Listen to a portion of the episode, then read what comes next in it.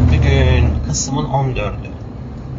Kirli olan ceylanla kirli olmayan ceylan. Bir varmış bir yokmuş. Ormanda avlanan bir tane çita varmış. Bu çita ceylanları avlamayı çok seviyormuş. Onları avlayıp yiyormuş. Ormanın içerisindeki ceylanlar da bunu çok ama çok iyi biliyorlarmış.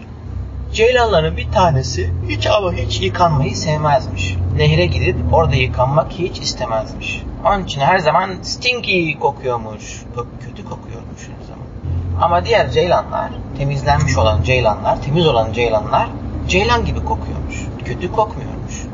Bir gün ceylan sürüsü otlarken uzaktan bizim çita uzaktan bunlara yaklaşmaya başlamış. Ceylanlar bunu fark etmiş. Fark edince her biri bir tarafa koşmaya başlamış. Hızlı hızlı zıplamaya, koşmaya başlamışlar. Bizim kirli ceylan da hızlı koşmaya ve çitadan kaçmaya da başlamış. Çita nedense hiçbir zaman bu kirli olan ceylanın arkasından koşmuyormuş. Hep temiz ceylanların arkasından koşuyormuş. Öyle olunca ceylanlar anlamış ki o yıkanmayan ceylan kötü koktuğu için çita bile onu yemek istemiyormuş. Çünkü çok kötü kokuyormuş. Ama bir taraftan da çok kirli kaldığı için bu ceylan yavaş yavaş hastalanmaya başlamış. Sonra demişler ki kirli ceylan eğer sen böyle kirli kalmaya devam edersen belki çita bu sefer sen zayıf düştüğün için gelip seni yiyebilir. Çünkü koşamazsın daha hızlı bir şekilde. Temiz ceylan ona öğretir. Bak böyle yıkanman gerekir. Şunu yapman lazım. Böyle yapman lazım. Hepsini ona öğretir.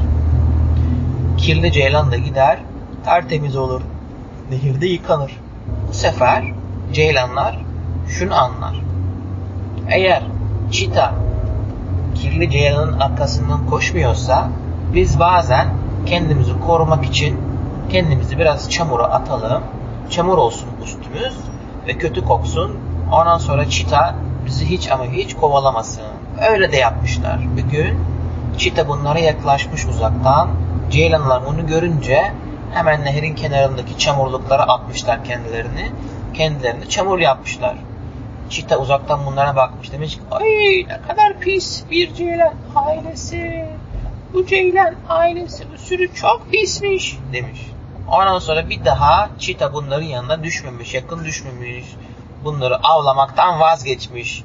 Gitmiş başka hayvanları avlamaya karar vermiş. Çünkü ceylanların çok pis olduğunu düşünmüş. Ceylanlar ha ha ha ha ha gülmüşler. Sonra gitmişler nehirde yıkanmışlar, tertemiz olmuşlar. Ve kirli olan ceylan arkadaşlarına teşekkür etmişler. Onlara bu güzel fikri verdiği için. Bitti.